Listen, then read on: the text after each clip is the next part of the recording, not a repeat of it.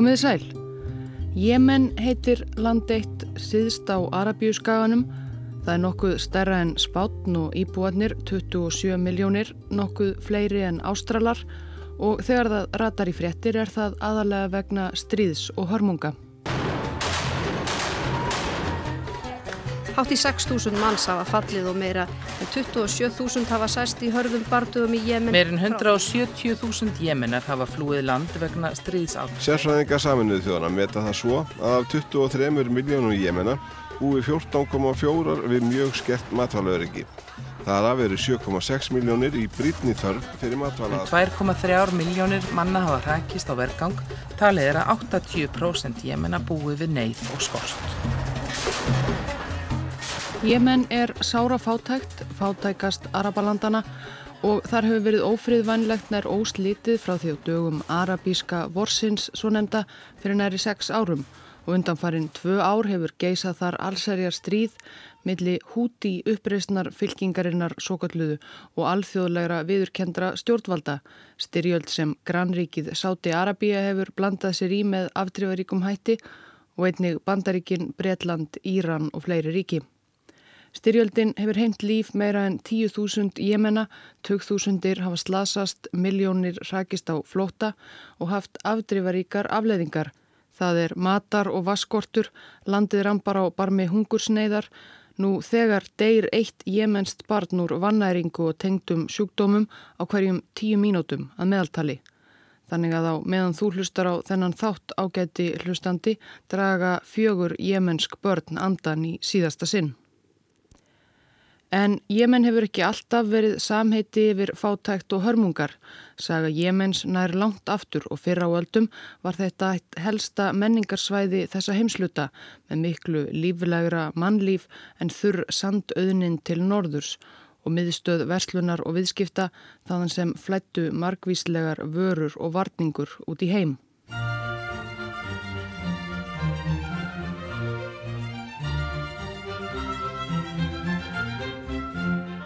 Í fyrri konungabók Gamla testamentisins segir frá því þegar Erlend drottning kemur til Jérúsalem þar sem Salomón konungur hafi nýlega látið reysa mikilfenglegt hof drottni til dýrðar. Með mikið föruneyti, ótal úluvalda, klifjaða kryddjörtum og gulli og gimsteinum sem hún gefur Salomón áður en hún heldur svo aftur til ríkisins.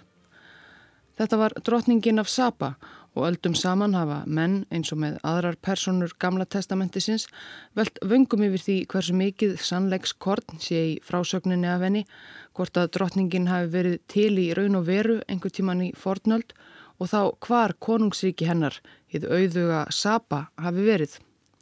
Um það hafa verið settar fram margar kenningar en svo sem mestrar hilli nýtur meðal fræðimanna er að þar sé vísað til samnemnds konungsveldis sem spratt fram á áttundu öld fyrir Krist suð-vestast á Arabíuskaganum, það er þar sem nú er Jemen.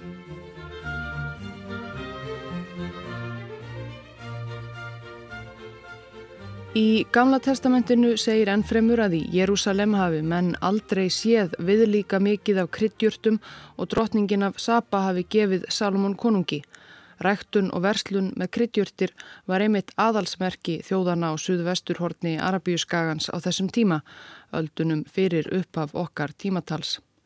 Fólkið þar siðra talaði semitist tungumálskilt arabísku dagsins í dag sem þeir rituðu með sérstöku suður arabísku stafrói sem á móti svipar ekkert til arabíska stafrós dagsins í dag og þar risu mörg konungsríki, ekki einungis Saba, hið nafntógaðasta, heldur fimm til viðbótar, Maín, Kataban, Hadramát, Veldið, Ásan og Himjar. Miða við skraufþurra eðimörkina sem hélur meiri hluta Arabíu skagans var þarna á suðuróttanum frjósamari og gjöfulli jarðvegur, ár og vinjar. Svo suður Arabíumenn gáttu ræktað meðal annars reykjelsi og mirru sem þeir síðan fluttu út í stórum stíl með úlvaldalestum upp með Arabíuskaganum eða sjóleðina frá Hafnarbæjum sem risu við strendur Rauðahafsins og Arabíuhafs. Um þessi fornu konungsveldi eru ekki miklar eða áreðanlegar heimildir. Öldum saman börðustau innbyrðis og mynduðu bandalög á viksl, risu og fjallu og nutu góðsafinni blómlegu kryttverslun við Indland, Abyssíniu, það er Eþjópíu og önnur framandi og fjarlæg lönd.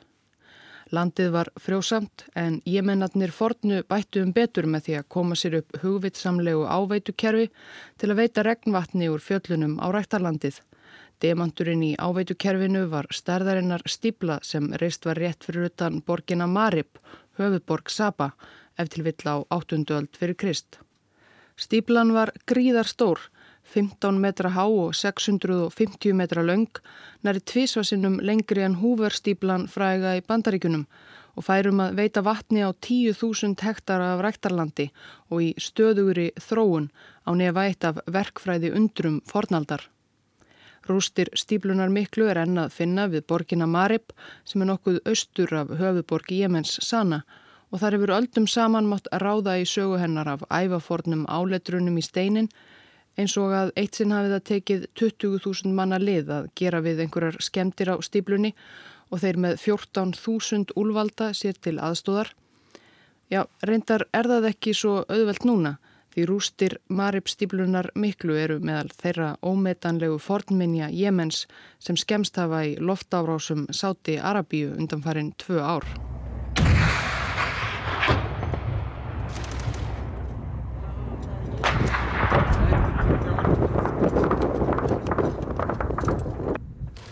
Jemen er krökt af rústum fornra borga og mannvirkja sem eiga nú undir högga sækja vegna stríðsástands, loftárása sáta sem eira engu.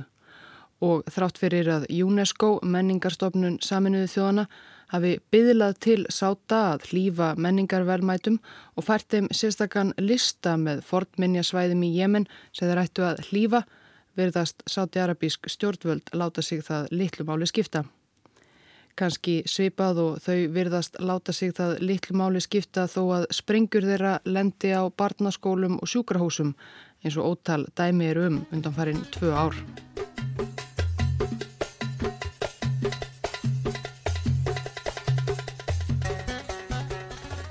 Gríski sagnarittarinn Agatharkos lýsir því riti frá því um hundrað fyrir Krist hvernig himneskur ilmurinn af myrrunni og kryddjúrtunum barst jafnvel langt á hafút til sæfarana sem sildu fram hjá jemensku strandlengjunni.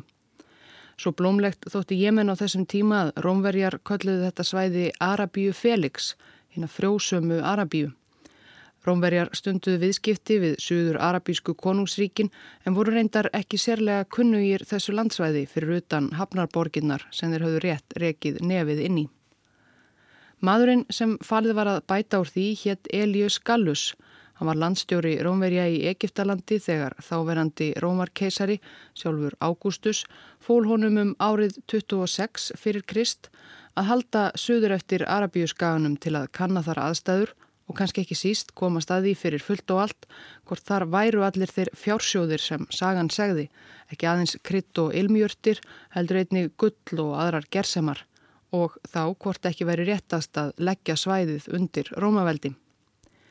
Elius Gallus helt keikur af stað með 10.000 menn, segir sagan, og fyrstum sinn sóttist þeim ferðin suður í gegnum eðimörkina ágætlega.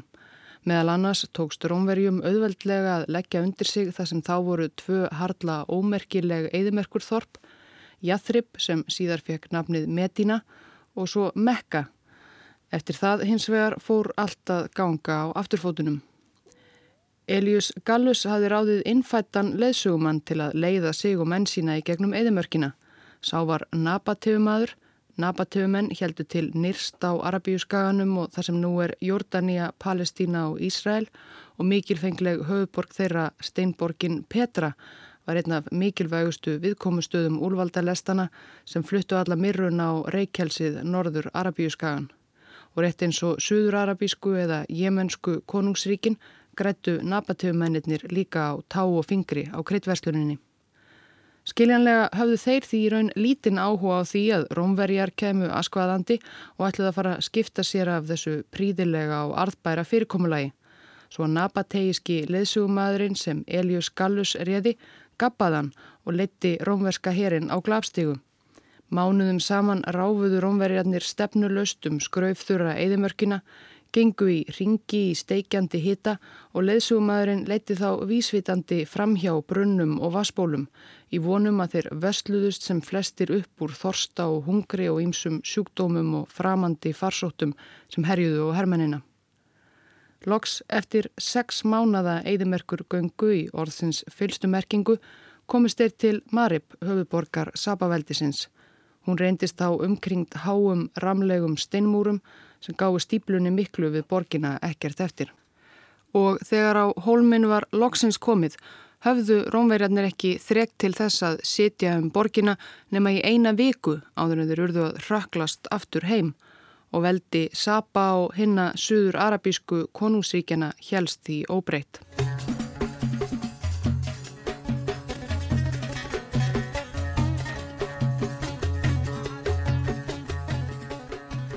Fjölfarin verslunarleiðum Suður Arabíu og margar blómlegar verslunarborgir og bæir gerðu það jafnframta verkum að mannlífið á þessum slóðum var fjölbreytt og fjölskrúðut. Þannig mættust fjöldi ólíkra þjóða, tungumála og trúarbræða. Innfættir trúðu á ímsa gvöði eins og aðrar þjóðir Arabíus gagans gerðu áður en spámaður að nafni Múhammed fór að breyða át bóðskapsinn þar. Kristinn trú barst líka þangað suður eftir Sagan segir reyndar að einn af lærisveinum Krists, Tómas, hafi beðið skipbrota á eiginni Sókótru úti fyrir Suðurströnd Jemens á leiðsinni til Indlands að breyða út Guðs orð. Hann hafi þá gert sér lítið fyrir og kristnað eigaskeikja í leiðinni og byggt fyrstu kirkjuna á enni úr skipsbarakinu. Hvort það er satt skal ekki fullir tér en allavega náði kristnin fljótt fótfestu á Sókótru og svo einnig á meginlandinu. Gýðingar eiga sér sumuleiðis langa og ríka sögu í Jemen og sunnanverðri Arabíu, miklu lengri raunar en bæði kristnir og múslimar. Ekki er vitað með vissu hvenar fyrstu gýðingarnir settu staði í Jemen eða innfættir fóruð að taka gýðingdóm, kannski var það á dögum Salomóns og drottningarinnar af Saba ef hún var þá til, kannski síðar. Allavega komu þeir, komu sér fyrir og tóku þátt í kryttversluninni af fullum krafti. Yfirleitt komu þessum mismunandi hópum sem byggðu Suðvesturhortin Arabíu skagans ágætlega saman, allavega stórslýsa löst, en þó ekki alltaf.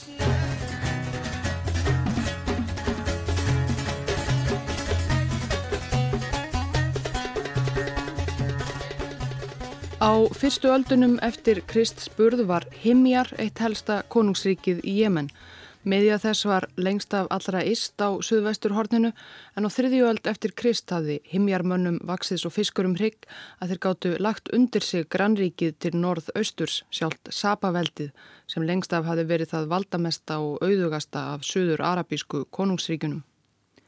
Himjarmenn voru þó ekki alltaf hefnastir með leiðtoga. Í íslumskum sakfræðiritum frá miðöldum segir meðal annars frá einum konungi himjar við upp af sjöttualdar Sá var annálað íllmenni, svo mjög að meira segja hans eigin þegnar fyrirlitu hann. Meðal þeirra íllvirkja sem þessi síðspilti konungur laði stund á, samkvæmt þessum íslömsku sagnariturum alltjönd, var að kalla til sín unga aðalsportna pilta úr himjösku hyrðinni og nöðga þeim, gaggjart til að brjóta þá niður og kalla yfir þá skömm, svo að þeir gætu ekki ógnað veldi hans og ásælst himjösku krúnuna sjálfur. Þegar konungurinn Grimmi hafði lokið sér af, fór hann svo fram og heilsaði undirmönnum sínum og þegnum með tannstöngul í kjæftinum og tannstöngulinn var tákn um þá meðferð sem auðmingja pilturinn hafi fengið að þóla rétt áðan. Eitt slíkur aðalsporin piltur var sérstaklega hárprúður og því kallaður Dú Núvas sá með lokkana. Sagan segir að þegar röðin komað honum hafi hann vitað vel hvað beigðans Þetta hafði eldri bróður hans hlotið sömu nýðurlægandi meðferð nokkrum árum áður. Hann fór því vopnaður nýfi á fund konungsins og þegar kongsi leitaði á hann, dró hann upp vopnið og sarkaði á hann um hausin. Af högnu höfðinu kom hann fyrir í glugga á konungshöllinni og tróð tannstöngli í kæftin á því. Þegar þegnar konungsins sáu það, urður svo uppnumdir að ekki kom annað til greina en að Dú Núvas, þessi hugur ekki piltur, erði þeirra næsti konungur.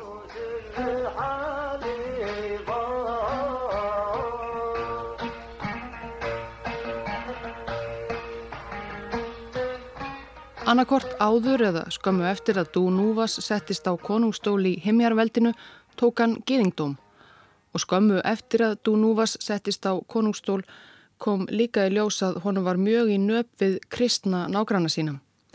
Hvers vegna er ekki alveg ljóst. Þegar þarna var komið sögu höfðu þó nokkur af konungsríkunum og ættbólkunum og þessum slóðum tekið kristni og kannski hafðu þá lengi verið íldeilur millir himjarmanna og einhverja kristina nágranna þeirra. Konungurinn Dúnúvas taldi sig allavega eiga einhverja harma að hefna á kristnum nágrunum sínum og hófst handa við að láta hermenn sína slátra öllum þeim kristnum önnum sem þeir höfðu upp á í þúsunda tali og sérstaklega grimmilegan hátt. Samkvæmt íslömsku sagnaríturunum, þó það hafi kannski ekki fundist neinar beinar sannanir fyrir þessu, leta hann grafa mikla skurði kveika í þeim elda og varpa svo kristnum föngum ofan í logana einn af öðrum.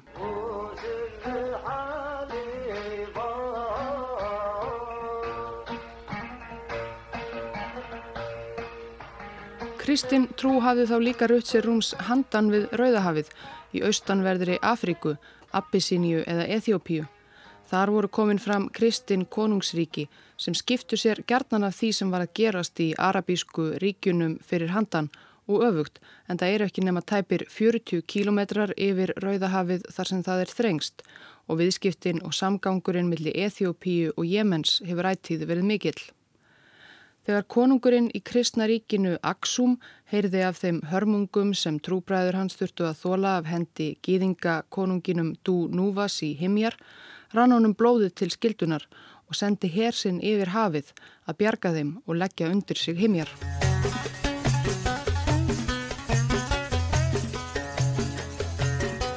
Sjötju þúsund abissínskir hermenn voru sendir af stað með þau fyrirmæli að eira engu.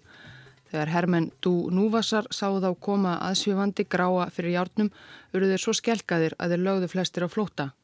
Þegar Dú Núvas sá í hvað stemdi, að hann stóð einsamall eftir, sneri hann hesti sínum við og reið beinustu leið út í Rauðahafið og sást aldrei meir.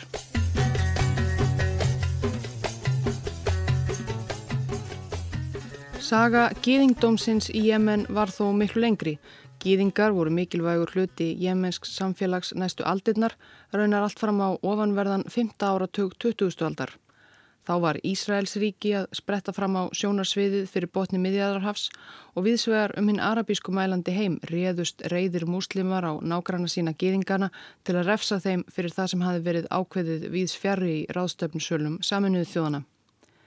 Í kjálfarið flúðu þúsundir geðinga Arabalöndin til hins nýja Ísraels en það var langt að fara fyrir geðingana í hinnu afskekta Jemenn Svo að á árunum 1949 og 1950 skipulögðu Ísraelsk stjórnvöld það leynilega að smala gýðingunum í Jemen upp í nokkrar fljóvilar og fljúa þeim í örugt skjól í Ísrael.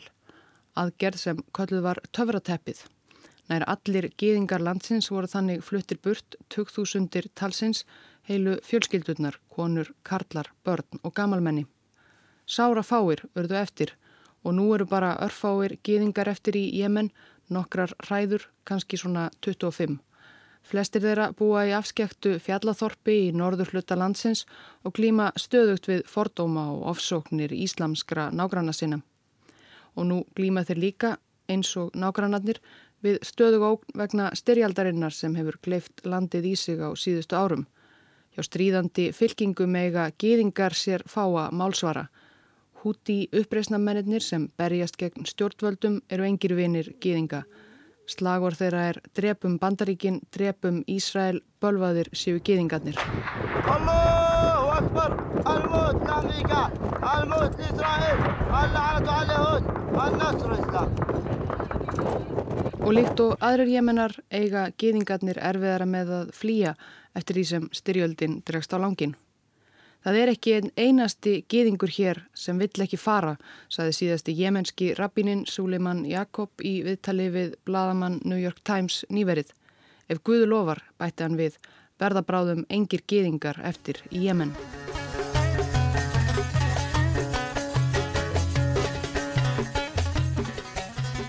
Nokkrum árum eftir að Kristinn konungur hins ethiopíska Aksum veldis hafði hrakið Dú Núvas á Havút og lagt undir sig stóran hluta Jemens, reyndi hann að sölsa undir sig enn meira landsvæði.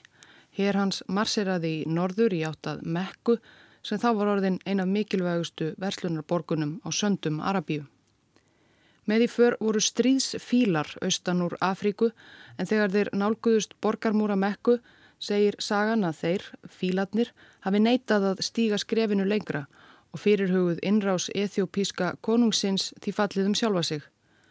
Æ síðan hefur árið sem þetta kuð hafa gerst, árið 570 eftir Krist, verið kallað ár fílsins en kannski ekki síst vegna þess að nokkuð annað merkilegt gerðist það ár. Árið 570, einmitt í Mekka, fættist drengur sem síðar varð kaupmaður, vann við úlvaldalestinnar sem fluttu varning frá Jemen og upp Arabíuskagan til þess sem nú er Sýrland og lengra út í heim. Og þegar hann var fertugur og var við hugleiðslu í hellin okkrum fyrir utan heimaborg sína Mekku, byrtist honum erkeingillin Gabriel og sagði honum að hann, fertugi kaupmaðurinn Múhameð, væri síðasti spámaður drottins. Vitranirnar í hellinum urðu svo miklu fleiri og Múhameð varð upphafsmaður trúabræða þeirra sem jafnan kallast Íslam.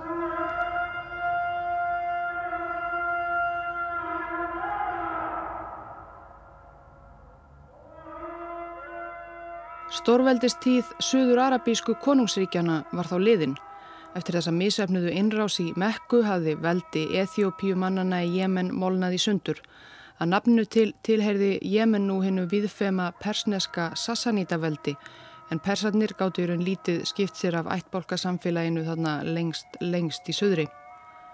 Á mælikvarða Arabíu skagans var söður hlutin þó enn velstæður og þróaður þökks ég viðskiptunum sem enn blómstruðu í Hafnarborgunum og þegar Múhameð spámaður fór að bera át trú sína laði hann áherslu á að fá jemensku ættbólkana til liðsvið sig. Það reyndist ekki erfitt verk Þeir gengu fúsir til liðs við kaupmannin fyrverandi. Jemen varð hluti af hinnu ört vaksandi íslamska veldi og jemenskir stríðsmenn voru mikilvægir í landvinningum fyrstu múslimanna, bæði á meðan Múhammed sjálfur var á lífi og svo undir fyrstu kalifunum eins og arftakar Múhammeds í fórustu hins íslamska heims kallast.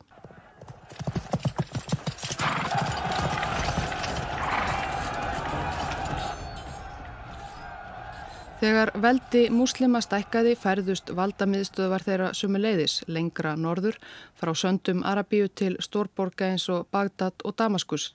Jemen var þá smátt og smátt aftur að fjarlægum útnára og rétt eins og persatnir þar áður hafðu kalifatnir í norðri litla raunverulega stjórn á þeim sem þar lifðu og hræðust og stunduðu sín viðskipti. Jemennar gáttu því mikið ráði sér sjálfur og aldirnar eftir að Íslam kom til sögunar keftust ótal ættbálkar og konungsættir um völdin þar. Sumar lögðu undir sig víðáttu mikil landsvæði en aðrar réðu kannski bara ríkjum í einum dal eða einni fjálslíð. Íbatar, síadítar, júfirítar, súlæhítar, nadjahítar og svo mætti lengi telja. Þetta er flókin saga þar sem margar ættir og margar fylkingar koma við sögum en við skulum staldraðins við í blálókin á nýjunduöld. Þá kom klerkur nokkur og trúarlögsbyggingur til borgarinnar Sata í fjallendinu í norðvestur Jemen. Hann var frá Medínu, borginni sem áður hétt Jathrib og Múhameð spámaður hafi flúið til eftir að hann og fylgismenn hans voru hraktir frá Mekku og var nú orðin mikil trúarmiðstöð. Klerkur þessi hétt Al-Hadi Ilal-Haq Jahja og var sérstaklega fenginn til Sata til að vera gerðarmæður í einhverju eldheitu deilumáli ættbólkana í fjöllunum. Hinn íslamski heimur hafi þá löngu áður klopnað í tvent, í raun bara skömmu eftir dauða spámannsins um árið 632 vegna deilu um það hver væri réttmætur arftæki hans var það tengdafæðurinn Abu Bakr eins og sunni-múslimar hafa æsiðan haldið fram eða frendin ungi Ali eins og síja-múslimar vilja meina. Þessi deila hefur aldrei verið útkljáð og heldur áfram að valda úlfúð millir múslima. En trú síja múslima, fylgismanna Alís frænda, fór svo einnig fljótt að greinast í sundur vegna ímessa ágreiningsmála í margar ólíkar greinar. Og klerkurinn frá metinu aðhyldist eina kvíslina sem kolluð er sætíismi. Í stuttumáli þá fylgja sætíistar sætt langafa sinni Alís þessa að málum. Hann reyndi um miðja áttunduöld að rýsa upp gegn Umayyad kalifanum í Damaskus en hafði ekki erindi sem erfiði, var svikin af nágrunum sínum og myrtur. Æ síðan hafa sætíistar syrt þennan leðtúa sinn og æ síðan hefur það verið mikilvægur hluti af lífskoðunum þeirra að almenningur eigi ekki að sætta sig við spilt og óréttlátt stjórnvöld heldur rýsa gegn þeim og reyna eftir fremsta megni að losa sig við ómögulega konunga og stjórnendur. Sæti klerkurinn frá Medínu, Al-Hadi Ilal-Haq Jahja, stóð sig vel sem sáttasemjari í norðvestur Jemen og hófa breyða þar út boðskapsinn og ekki leið á löngu þar til hann hafi fengið fjölda ættbálka á sitt band og stóð uppi sem leðtogi þarna í fjöllunum í norðvestri. En í dag er á bylunu 30-40% jemena sem aðhyllast þessa tólkun á síja Íslam, sætíismann. Flestir búa þeir enn þarna í fjöllunum í norðvestri og margir hafa þeir enn kenningar trúarinnar um að láta ekki óstjórn og óréttlæti líðast í hávegum Það kom til að mynda í ljós á fyrstu árum 2001. aldar þegar í borginni Sata kom fram á sjónarsviðið annar áhrifamikill sæti klerkur meira en þúsund árum eftir að Al-Hadi il-Al-Haq Jahja hafi flutt til borgarinnar frá Medínu. Þessi síðari tíma klerkur hétt Hussein Badreddin Al-Hudi og byrjaði um aldamótin 2000 eða svo að pretika í Moskum Sata gegn þáverandi stjórnvöldum í Jemen gerspiltri einræðistjórn fórsetans Ali Abdullah Saleh sem hafi þá arðrænt landið gengdarlaust í um aldarfjörðung, haldið jemunsku þjóðinni í viðjum sárar fátæktar á meðan hann sjálfur sapnaði miljörðum dollara á erlendum bankareikningum. Al-Húti þessi var einmitt myrtur af mönnum einræðisherrans ekki löngu eftir að hann fór að hvetja fylgismenn sína til að mótmæla á gödum Sata árið 2004. Þó voru fylgismennir ekki af baki dotnir og bróðir klerksins, annar Húti, Abdul Malik al-Húti, leiðir nú hreyfinguna sem kender við klerkin fallna, Húti fylkinguna. Það er hún sem nú herjar gegn stjórnvöldum í Jemen og hefur gert frá 2014, auk þess að rópa slagord gegn bandaríkunum Ísrael og gýðingum öllum. Það má reyndar deila um það hvort það sé einmitt hugssjónin um að losna undan okki spiltra stjórnvalda sem sé enn það sem helst drýfur húti uppreysnan mennina áfram í þessu stríði sem ekki sér fyrir endan á en að því verður nánarvikið síðar.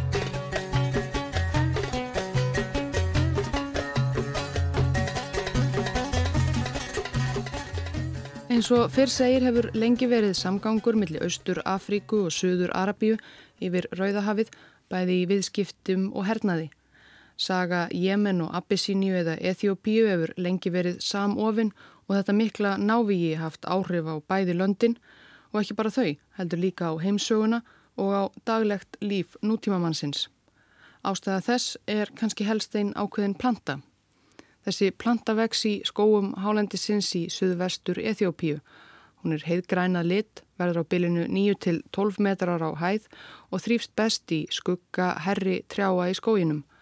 Á plöntunni vaksa svo smágerð hvít blóm og lítil ber, ber sem fyrst eru græn og verða svo rauðiða fjólublá þegar þið þroskast. Og inn í hverju beri eru svo tvö lítil fræ.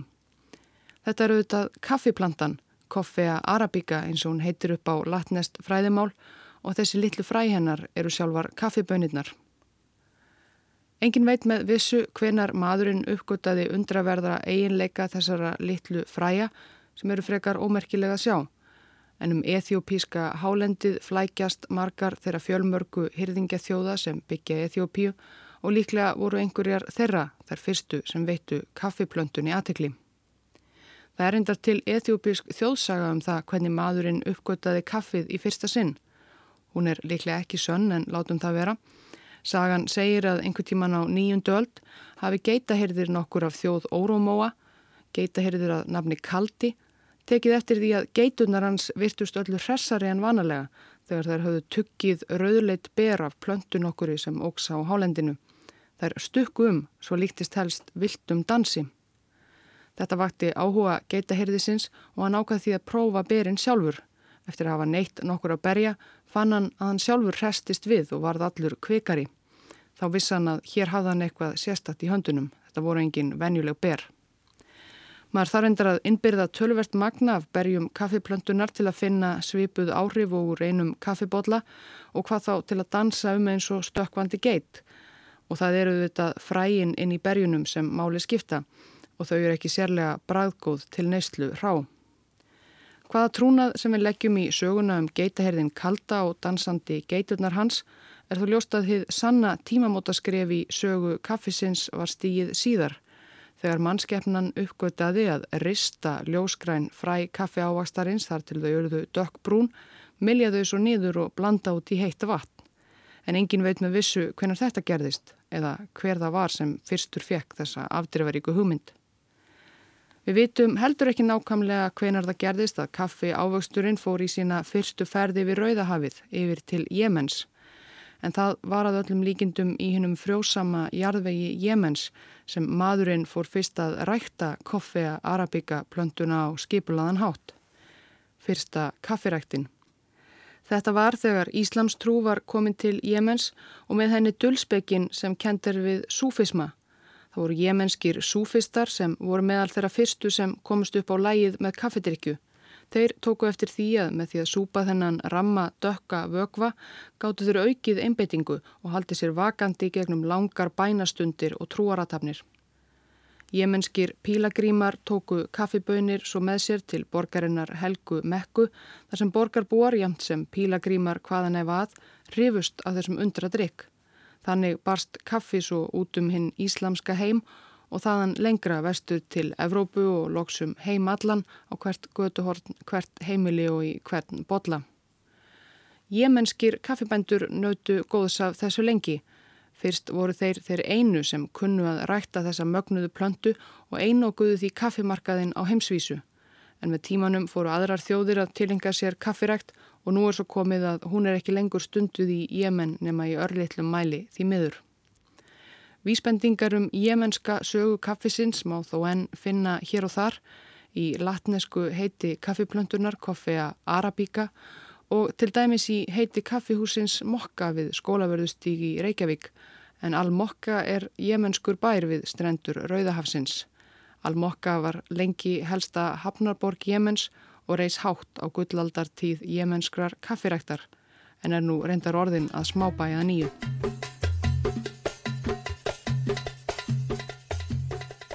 Á meðan íslamskir konungar og ættbolkahöðingjar bytust um völdin í Jemen held verslun og viðskipti í landinu sem sé áfram að blómstra sér í lagi í hafnarborgum og bæjum og engum eftir að kaffið kom til sögunar. Yfiráð yfir hinnum íslamska heimi færðust á endanum til Tyrkja og lengst norður til höfuborgar þeirra, Konstantinóbel. Þar var kaffið fljótt að reyðja sér til rúms. Reyndar var kaffið fljótt svo vinnselt að einn Tyrkjasoldán, Múrat fjörði, reyndið að banna það. Þetta væri hættulegt eiturlif, vildi hann meina. En þá voru þegnar hans þegar orðnir svo háðir lifinu að það var til lítils að reyna að banna það. Við erum komin fram á 16. öld. Millir þess sem þeir teiguðu kaffið sitt litu Tyrkirnir í höll soldánsins í Konstantinópil yfir heimskortið og veldu fyrir sér hvaða lönd þeir ættu nú að leggja undir sig næst. Og þá var Jemen sannarlega lokkandi með þessar löngu strandlingju með ótal blómlegum verslunarbæjum þann sem skipin fóru út um allar trissur, hlaðin verðmætum, kaffibönum og öðrum gersemum. Tyrkir sáu líka að handan viðskiptana hafði Jemen logað öldum saman í íldeilum og valdabaróttu ættbálka. Einn í slíka ringulreið er þið lítið mál fyrir tyrkneska herin að ganga og leggja þetta allt auðveldlega undir sig. Einn hátsettur tyrkneskur herfóringi let hafa eftir sér eftirfarandi. Jemen er land án herra, tómt hérað. Það væri ekki bara hægt að vinna landið, heldur væri það auð unnið og ef það yrði unnið myndi það stýra umferðinni til Indlands og senda á hverju ári óheirilegt magn af gulli og gemsteinum til Konstantinóbel. Um árið 1539 sendi Tyrkja Soldán því af stað 80.000 hermenn frá tyrkneska yfiráðasvæðinu Egiptalandi til að leggja undir sig þetta tóma hérað, land án herra. Það reyndist þó ekki verða eins auðvelt og Tyrkirnir hafðu gert sér í hugarlund yfir kaffibóllunum í Konstantinóbel. Jemenar hafðu þá verið næsta sjálfstæðir öldum saman hugðust ekki lenda undir Tyrkjasoldón. Af 80.000 hermönum sem gerðu tilraun til að leggja undir sig Jemen snýru aðeins 7.000 tilbaka á lífi og nú neytust tyrknesku herfóringarnir til að skipta um skoðun um þetta land án herra. Hermenn okkar hafa aldrei lendi í öðrum eins bræðslu opnu og Jemen. Í hvert sinn sem við höfum sendt herflokk þangað hefur hann bráðnað og gufað upp líkt og salt sem leysist upp í vatni. Meðal þeirra sem tyrknesku hermennir þurftu við að etja voru sæti múslimatnir á hálendinu í norðvesturluta Jemen, þar sem arftakar Klerksins sem kom frá Metinu á nýjundöld höfðu komið upp eins konar sæti ríki. Sætijarnir voru í fórustu ansbyrnu Jemena gegn ítrekuðum tilraunum Tyrkja til að leggja Jemen undir sig, tilraunir sem yfirleitt voru jafn áranguslausar. Í mestalagi tókst Tyrkjunum að leggja undir sig borg hér og borg þar og halda í nokkur ár, áður en innfættir rákuð á aftur á flóta. Svona gekk það áratugum saman, allt fram til 1608 þegar leðtogi sæti í veldisins samti um vopnalli við Tyrki. Tyrkir áttu þó eftir að snúa aftur til Jemen á endanum, en það áttu eftir að líða meira en tvær aldir þangað til þeir treystu sér þangað aftur. Og þá var það vegna þess að annað stórveldi var farið að hasla sér völl í jemensku hafnaborgunum og skipta sér af viðskiptunum þar en frá því verður nánarsagt síðar.